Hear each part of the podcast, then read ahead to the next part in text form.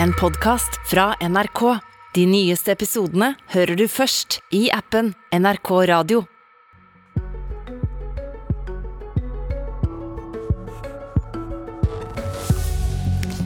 I eh, går hørte vi om en kreftforsker på 81 år som må til Danmark for å få lov til å jobbe. I dag tar vi debatten om hvorfor den norske staten ikke vil ha folk i jobb etter at de fyller 70. Ja, i dag skal vi også minnes en mann som på ingen måte la inn årene etter at han nådde pensjonsalderen. Men først 70 år gammel fikk kreftforsker Ole Didrik Lerum beskjed om at han ikke kunne jobbe mer ved Universitetet i Bergen. Da pakka han sakene sine og skaffa seg ny jobb i Danmark. I Dagsrevyen søndag kunne man se Lerum som nå er blitt 81 år. Han sykla til jobben ved Universitetet i København, og han skjønner ikke hvorfor friske, arbeidsføre noen og 70-åringer ikke skal kunne jobbe i Norge. Norge har en del å lære av Danmark på det å bli mer fleksibel og ikke så firkantet. Det er mange som har behov for å pensjonere seg tidligere, og det må vi ha full respekt for. Men det som er feilen i Norge, er at de har satt en bom. Ja, og den eh, bommen som Lerum snakker om, den går i staten når man fyller 70 år. Og nå har regjeringen akkurat skrinlagt et forslag fra Solberg-regjeringen om å heve den aldersgrensen i staten til 72 år. Og Trine Lise Sundnes, du er stortingsrepresentant for Arbeiderpartiet, og før det var du leder i Handel og Kontor i LO. Hvorfor si nei til folk som virkelig ønsker å jobbe mer? Det er, flere, det er flere grunner til det. For det første så eh, bommer Høyre her på, på målet. Eh, og så er det også sånn at eh, partene i arbeidslivet advarer sterkt mot det. Eh, sågar, eh, eh, sågar Likestillings- og diskrimineringsombudet og Domstoladministrasjonen. Fordi? Fordi de mener at å heve aldersgrensen, slik Solberg-regjeringen foreslår, det er også med på å øke risikoen for tvister og uverdige avganger fra jobben etter et langt arbeidsliv, og det ønsker ikke vi. Hvordan kan det bli uverdig? Jeg har selv eh, en erfaring eh, fra fagbevegelsen, eh, hvor det ofte er fagforeningene som må realitetsorientere medlemmer som har fått konflikt med arbeidsgiver, fordi arbeidsgiver bruker en del litt substile utpressingsmekanismer fra arbeidslivet. Men først og fremst, det bommer på målet.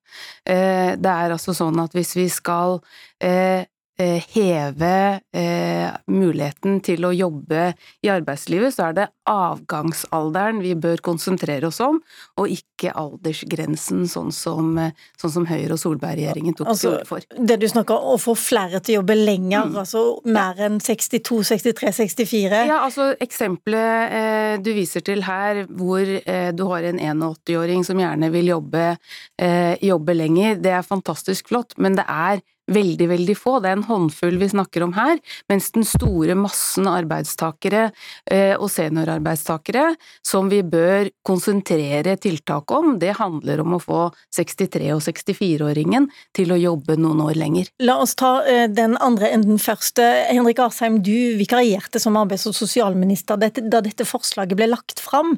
Og hva var det dere ønska å oppnå ved å heve aldersgrensen to år til 72?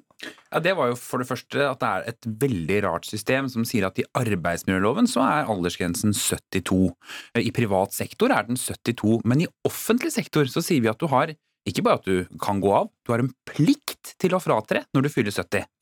Og så er det sånn at sånn som samfunnet vårt er nå, så heldigvis så er vi friskere lenger, vi er i stand til å jobbe lenger, og stadig flere ønsker å jobbe lenger. Og jeg har stor respekt for at mange er slitne og ønsker å gå av tidligere, men noen ønsker også å jobbe lenger. Og men det betyr også at arbeidsgiverne de har en plikt til å beholde alle sammen som ønsker det til de er 72 år. Kan du si at noen arbeidsgivere vil si at det, nå skal man gjerne ha, ha fylt inn med noen yngre krefter her? Ja, det er jeg helt sikker på at en del arbeidsgivere tenker, og det er den tankegangen vi må få bort. Og jeg synes det er veldig rart at vi har en regjering som nå aksepterer det premisset, istedenfor å høre på eldre arbeidstakere på over 70 som ønsker å stå lenger i jobb. For det stiller jo andre krav og forventninger til at arbeidsgiverne faktisk tilrettelegger for det. Er det noen andre oppgaver du eventuelt kan gjøre hvis det blir litt for tungt å gjøre det du opprinnelig har gjort?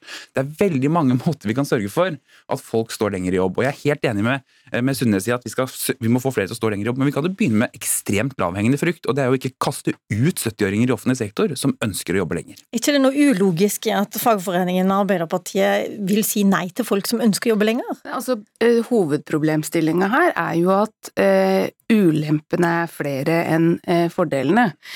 og så er det jo ikke helt riktig som Asheim bringer til torgs. Det er jo fullt mulig å jobbe etter 70 år i staten. det er sånn at du kan jobbe til og med 75 år. ansettelsesmyndigheten kan i dag bestemme at en tjenestemann eh, kan fortsette å jobbe over 70 år, men det betyr jo at da må arbeidsgiver gjøre den vurderingen om vedkommende fremdeles oppfyller kravene til eh, stillingen, eh, og så kan man få tre år, og deretter ett pluss ett. Men det har lyst... Og så er vel ulempen også at hvis du lar én jobbe til han er 75, så må du la alle jobbe til de er 75. Det er selvfølgelig sånn at man krever likebehandling og likhet under loven, det skulle jo egentlig bare mangle, men Så det betyr at hvis du har en utrolig flink forsker som er eh, 70 år, som du gjerne vil beholde, så må du også eh, beholde den som egentlig har vært på hjemmekontor de siste ti årene og ikke produsert noen ting. Så sant vedkommende fremdeles oppfyller kravene stillingen forutsetter, ja. Men så har jeg lyst til å bringe på banen det Asheim bringer til torgs, nemlig denne likevektinga eh, med arbeidsmiljølovens eh, aldersgrense. Fordi det var jo også et ektefødt barn av den forrige regjeringen, eh, og det var jo da din eh, Frp-forgjenger eh, Robert Eriksson vel som gikk i bresjen for å heve aldersgrensen i arbeidsmiljøloven fra 70 til 72 år. Hva skjedde da?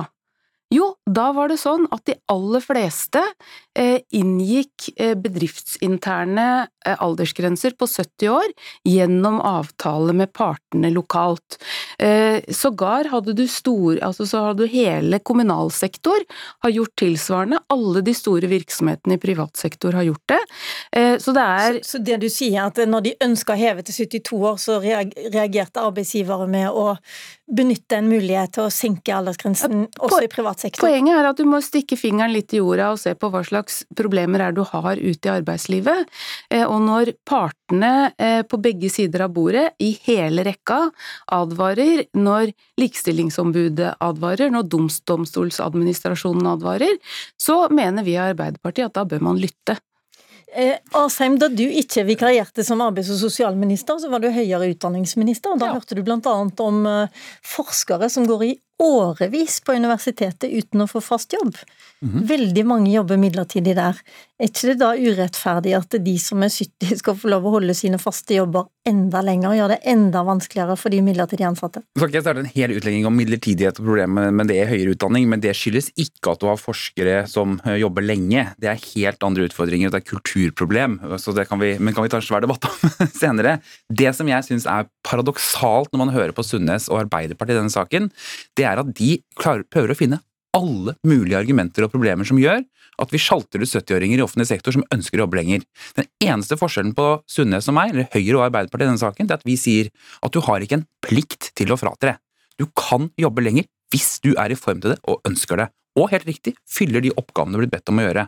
Og så sier Arbeiderpartiet at nei, vet du hva, da tar vi arbeidsgivers part i den saken der. Vi sier at du, ikke fordi du ikke kan, ikke fordi du ikke orker, ikke fordi du vil, men fordi du er født på en bestemt dato for akkurat 70 år siden, så skal du ut av arbeidslivet. Det mener jeg er en dårlig politikk, særlig i en tid hvor flere er friske, flere må jobbe lenger, og vi ønsker at flere skal stå lenger i jobb.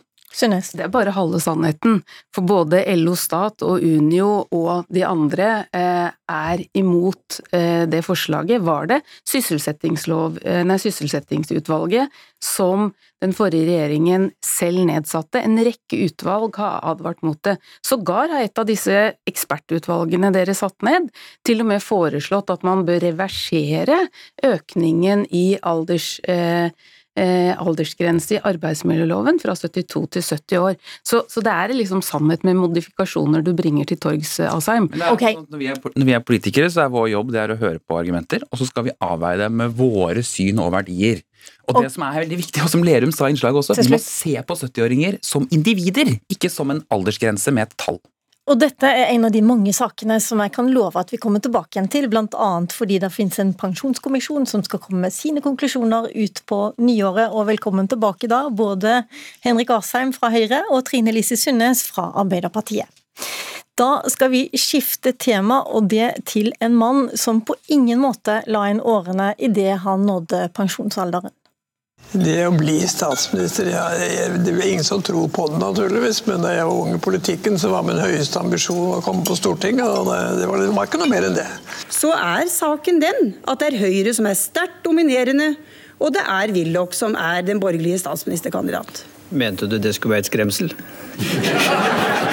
ja, jeg mente for noen det, Willoch. Lykke til. Ærede forgjenger. Jeg vet ikke om jeg for en sjelden gangs skyld kan få si kjære Gro. Tror du at huset ditt kommer til å brenne? Svaret nei. Men du tegner jo brannforsikring. Ja, selvfølgelig. Sånn er det også med klimapolitikk. Er det risiko for at mennesket mennesker påvirker klimaet, så er den risikoen så fatal at vi er nødt til å gjøre hva vi kan. Ja, her var Kåre Willoch fra ulike faser i livet, og i går eh, gikk han ut av dette livet. Han var den viktigste statsministeren etter Einar Gerhardsen, sier du, eh, Torbjørn Røe Isaksen. Sammen skrev dere en eh, samtalebok da Kåre Willoch fylte 90 år.